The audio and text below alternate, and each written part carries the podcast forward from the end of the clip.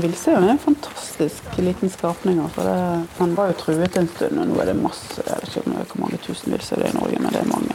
Så det, den er ikke truet lenger. Det er mange som har en stor interesse for det.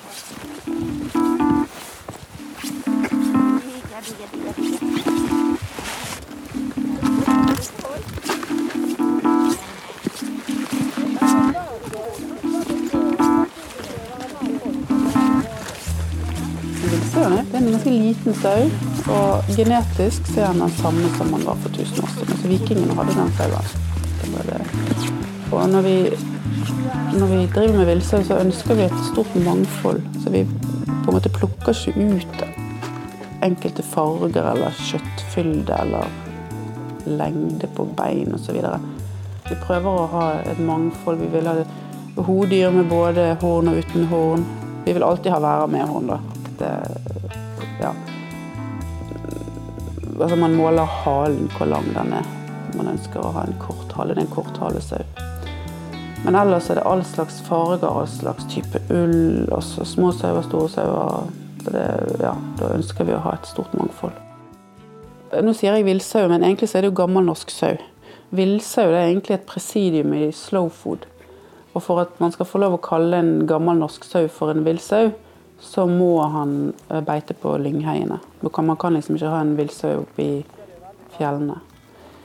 Men han er helt tilpasset uh, livet på kysten. Så han klarer seg veldig godt på de ressursene som finnes her.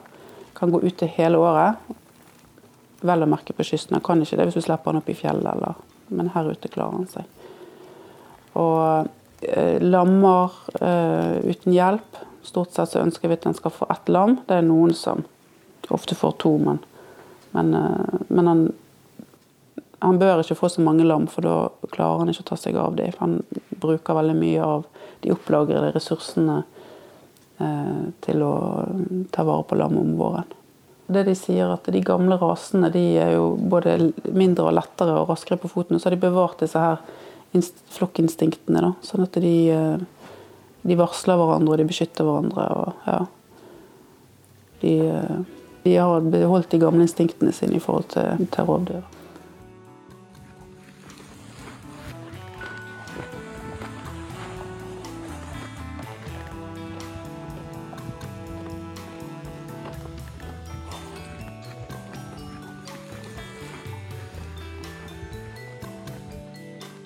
Jeg heter Trude Søylen, og jeg utdannet meg til agronom ved, ved jordbruksskolen i Ørland. I, jeg tror jeg var uteksaminert i 95, så det begynner å bli noen år siden.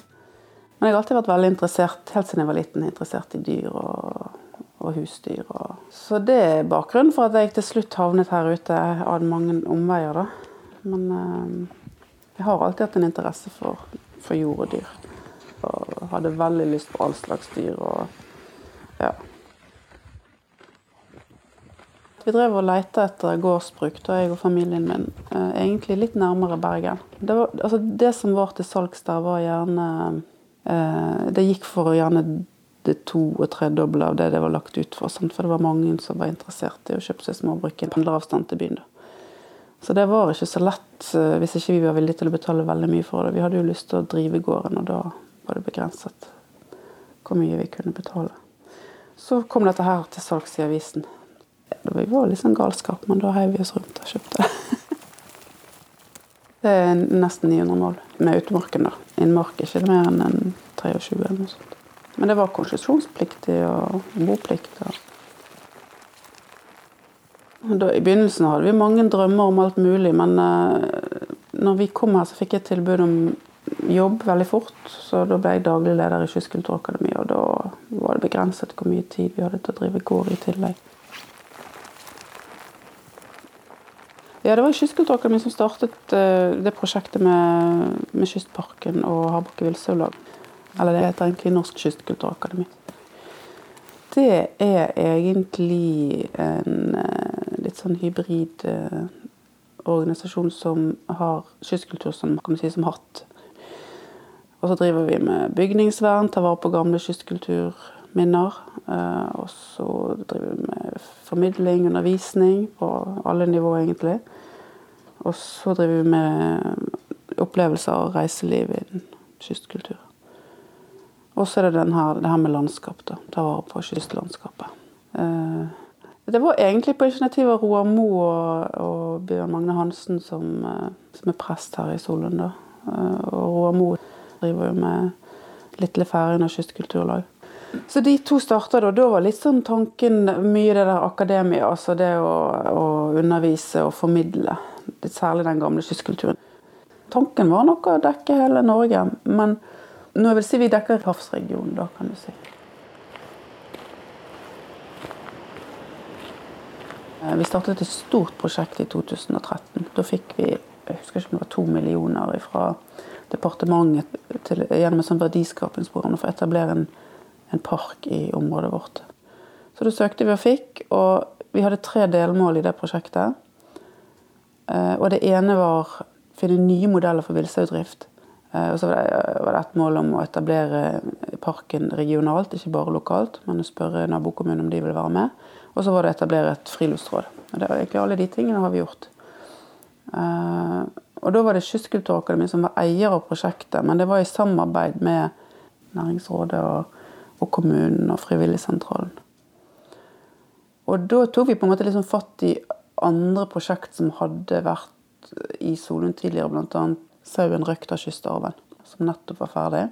Ja, Vi hadde lyst til å videreføre det, for vi så på landskapet at for Når du skal starte en sånn regionalpark eller naturpark, så, var, så kalte vi inn til møte, eh, som folkemøte og så spurte vi hva, hva er natur- og kulturressursene våre.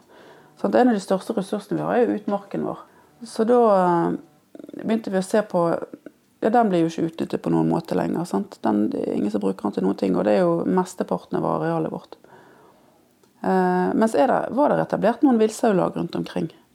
Og så drev jeg og underviste valgfag på, på, den lokale skolen. Og da oppdaget jeg at eh, når jeg, når jeg underviste og tok med elevene ut og sånn og spurte de hvordan de trodde at dette landskapet var blitt sånn, så var det ingen som visste det.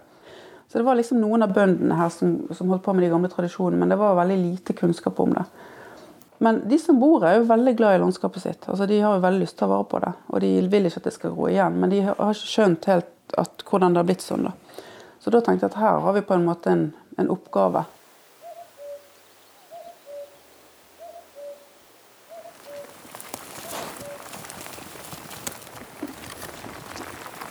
Og jeg vet ikke hva som gjør det, men det, det har nok noe med geologien og, og jordsmonnet å gjøre her. Men her er jo gjengroingen kommet mindre langt enn hvis du bare reiser over til Mongstad eller til På Sotra ser du det veldig godt. liksom Der kan du se sånn bilder ti, ti, år før og etter, liksom, og hvor utrolig fort skogen har overtatt åpne områder. sant?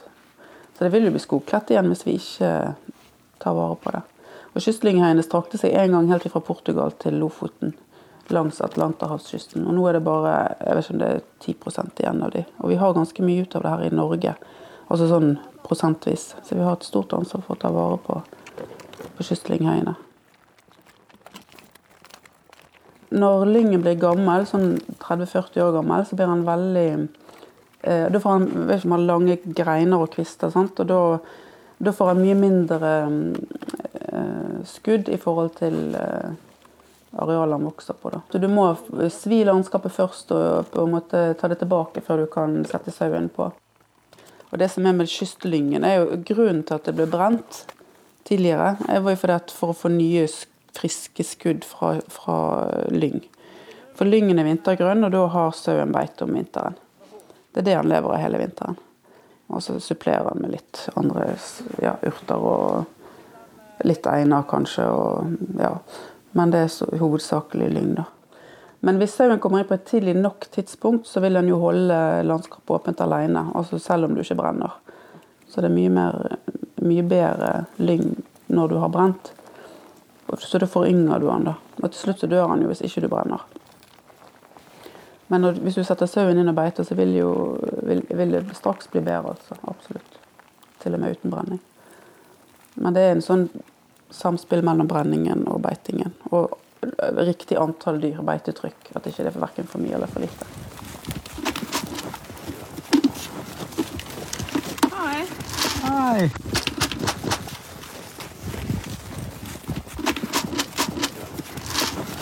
Den som venter på noe godt, venter ikke forgjeves.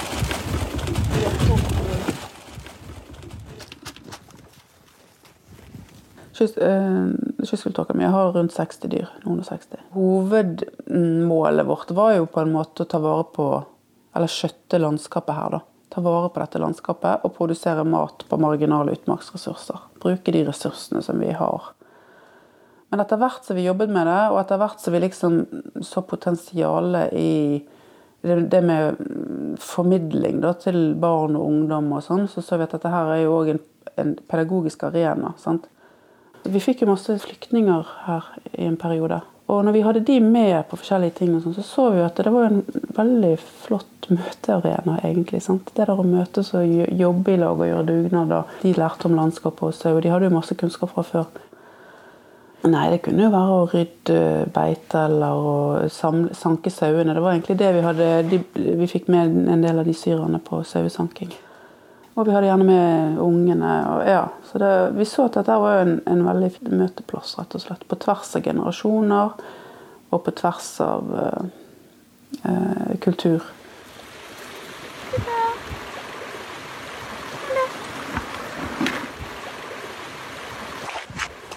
Og sant, av og til når vi, sånn som nå når vi sanker og har de der oppe, så kommer gjerne noen av disse gamle karene og henger på gjerdet, og så begynner de å fortelle ja, når jeg var barn, da var det sånn og sånn. Så får du liksom de historiene, og så ja, får disse ungene høre om hvordan det var når de var. Så det er ganske spennende.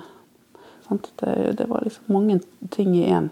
Det at vi da fikk det så sentrumsnært, at det liksom det var i det samme området som folk gikk tur eller spilte discgolf eller i nærheten av idrettsbanen, det var veldig lett tilgjengelig.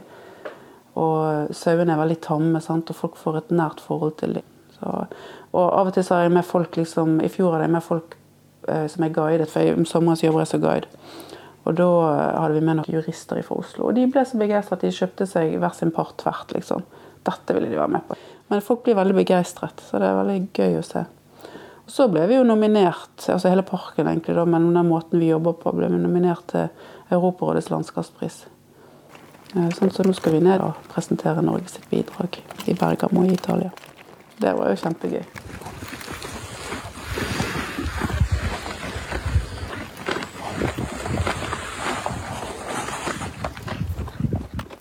Altså, landskapsprisen er jo basert på eh, Den europeiske landskapskonvensjonen. Og Den sier at mennesker som bor i et område, skal sjøl få være med å definere hvordan de vil utvikle landskapet sitt, og hvilket perspektiv de har på det. da. Det er ikke noen som skal fortelle dem at dette landskapet er sånn eller sånn, men at de er med og definerer det sjøl. Det gjelder alle typer landskap. Norge var en av de første til å ratifisere avtalen, men jeg tror liksom, hvordan de skal gjøre det, har de ikke eh, tenkt så nøye på. Så De er veldig glad når de får sånne eksempler som dette. Det handler nemlig om det der å involvere. da. Et veldig godt eksempel her at først så visste ikke folk hvordan mannskapet skulle bli til. Sant, og i neste steg så er de med og tar vare på det og lærer sånn fra hånd til hånd gjennom handlingsbåren kunnskap hvordan det har vært gjort i 5000 år.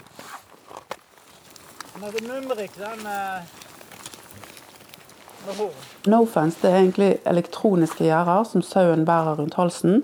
Og i stedet for at de ser gjerdet, så hører de det. Og de lærer veldig fort hvordan det fungerer.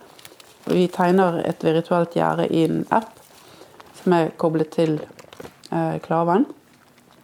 Og så eh, får eh, dyrene lydsignaler når de nærmer seg grensen. Og det som blir høyere og høyere og høyere. Og til slutt, hvis de passerer eh, det høyeste lydsignalet, så får de støtt. Og det får de stort sett bare én eller to ganger, og så har de skjønt at det var ikke så lurt.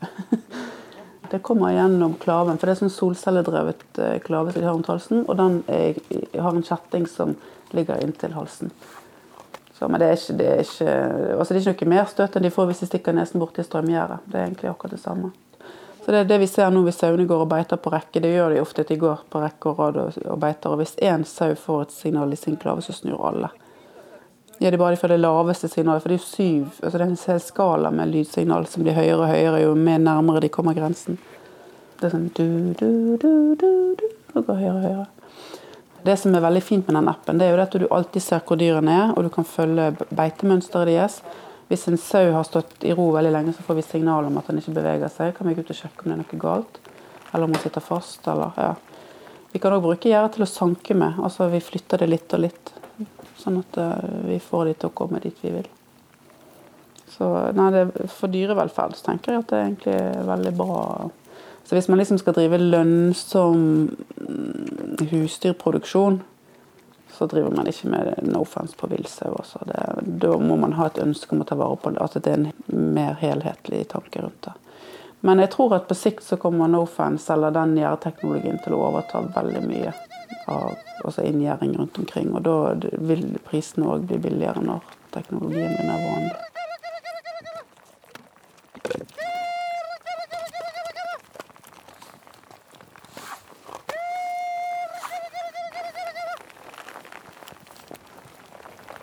Så er de veldig tamme. Altså den eh, heter snø, det hviteste heter snøhvit. Det er barnehageungene som har gitt navn til dem. Det er jo, et, godt- altså, det er jo viktig at de er tamme.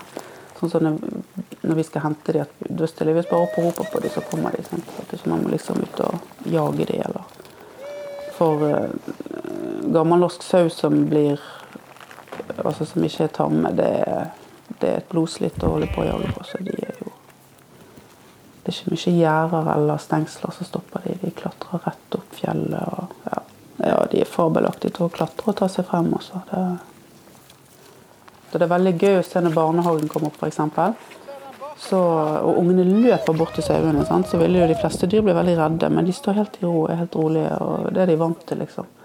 De ser ikke på ungene som noe trussel eller høye lyder og sånn. Det betyr ingenting. Så det, det tror jeg ikke vi hadde oppnådd hvis vi liksom hadde hentet en stor flokk og begynt med det. Så det er liksom en sånn tilvenning, og så blir lammene vant. Og ja. så det er for alle sin del at vi tar det litt sakte. ja. Nå går det jo 13 sau der ute på Hardbakke villsaulag, og de går faktisk i et område som var beitet helt opp til for en ja, kanskje 30 år siden. Mange steder her i Solund er jo enda mye lenger siden det var beiter. Her som jeg bor, f.eks. Det var det har ikke vært beitedyr på ja, akkurat på innmarken her, men på utmarken står ikke det var beitedyr på 50 år. Sånn, og da blir det veldig gjengrodd. Men uh, der ute så jeg har, tror jeg de har en sjanse til å få tatt det igjen, altså, hvis vi brenner litt nå. Og, og det er jo store områder. 2500 dekar. Så vi kan ha opptil 100 sauer der. Men det er jo målet å øke på hele tiden, helt til vi har nådd den grensen. Og de sier at enhver sau bør ha ca. 20 dekar eh, areal om vinteren. Så det er jo en god del. Men hvis du, har, hvis du brenner mye og har gode beiter, så kan det være mindre. Men, men som en hovedregel så bør det være såpass mye. Men eh, når vi, får, altså vi kommer opp i det saueantallet som vi kan ha, så vil det jo være en ganske god økonomi i det. Det som vi gjør, er at vi gjennom året har masse aktiviteter. altså Vi, vi sanker jo sauene flere ganger. Vi sanker de minst en gang i måneden opp i kve og skifter batterier på de. Men vi jo ser etter de hver uke og gir de litt mat. og ja, unge, Barnehagen er der oppe hver fredag og har unger med dyrene. da. Vi samler de to store sankinger i året der vi gir medisin og ruer tar av de ullen. Sånne gamle raser de, de slipper ullen sjøl. Drar den av på en måte. Vi bare tar klipper de hvis ikke det, det er noen som ikke slipper like godt. Eller på lårene kan det henge litt igjen, så at vi klipper av den. Men ellers så, så drar vi av ullen, da. Skriver det nummeret som har på, sant? at ikke det er noe Bare sprik det andre.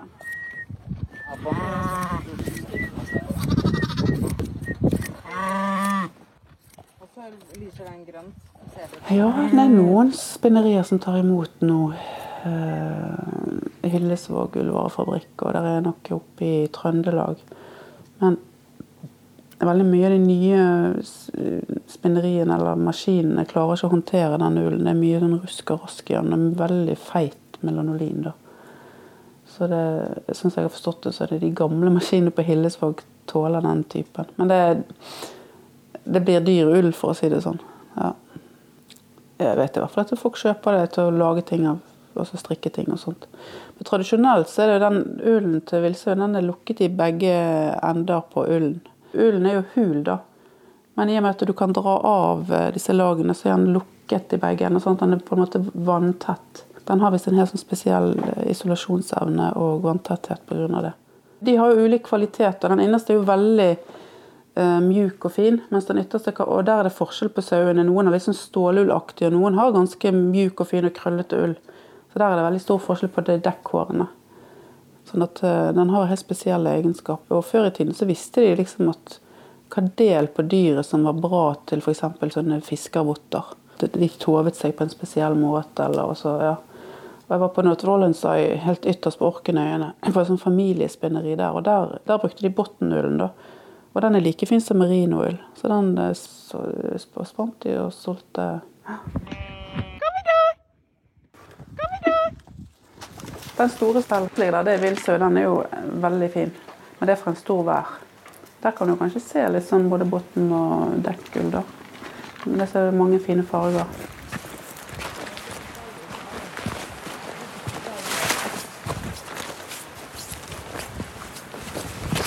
Nå har det kommet bedre ordninger for villsauene, men de blir fremdeles klasset da, eh, som om eh, det var en annen type sau. Så det blir veldig vanskelig å få god pris for dem, selv om du egentlig har veldig fine dyr. De skal være over en viss vekt osv., men eh, det er ikke alltid like lett å få til.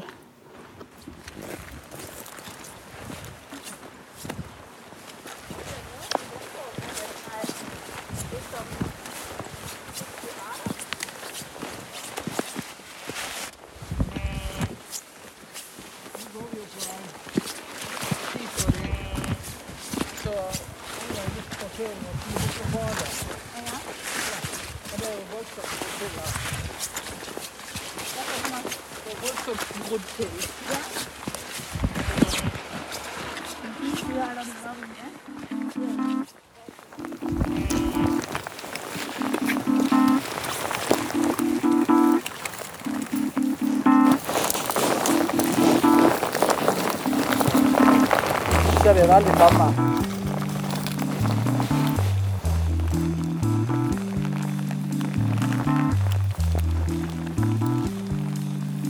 Jeg tenker at Det som kjennetegner folk her på kysten, det er jo mangesysleri. Og mange har hatt flere bein å stå på. Sånn at, eh, det er ikke lett å leve av villsaudrift. Men det, å drive med villsau lar seg jo veldig lett kombinere med andre jobber. De, dyrene er veldig selvstendige og flinke og klarer seg sjøl. Du må selvfølgelig se etter dem, men eh, du må ikke gå i fjøset morgen og kveld liksom, hele vinteren. Det er en veldig eh, bærekraftig driftsform. Absolutt. Det å produsere mat av de ressursene som ingen andre bruker. Vi, og vi driver ikke henter kraftfôr eller soya fra Brasil for å få opp dyrene her. Vi bruker faktisk de ressursene som finnes her. Og det er et viktig poeng. Og den kombinasjonen av å både produsere mat av de ressursene vi har, og å ta vare på landskapet samtidig, det syns jeg er veldig viktig. Og um, det er gode løsninger um, for produksjonstilskudd og sånn for villsau.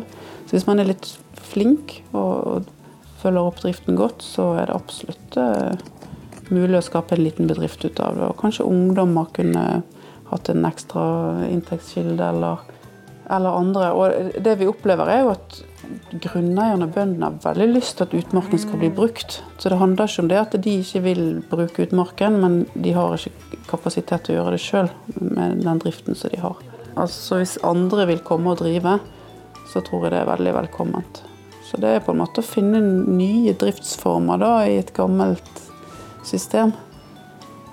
Eh, Nå er det partseiere som driver villsaulaget i hardbakke, men finnes, jeg tenker at det går an å tenke andre eh, modeller òg, der to-tre stykker kan gå sammen i en grend eller et område og drive. Selv om de ikke eier, så kan de bruke området og ta vare på det.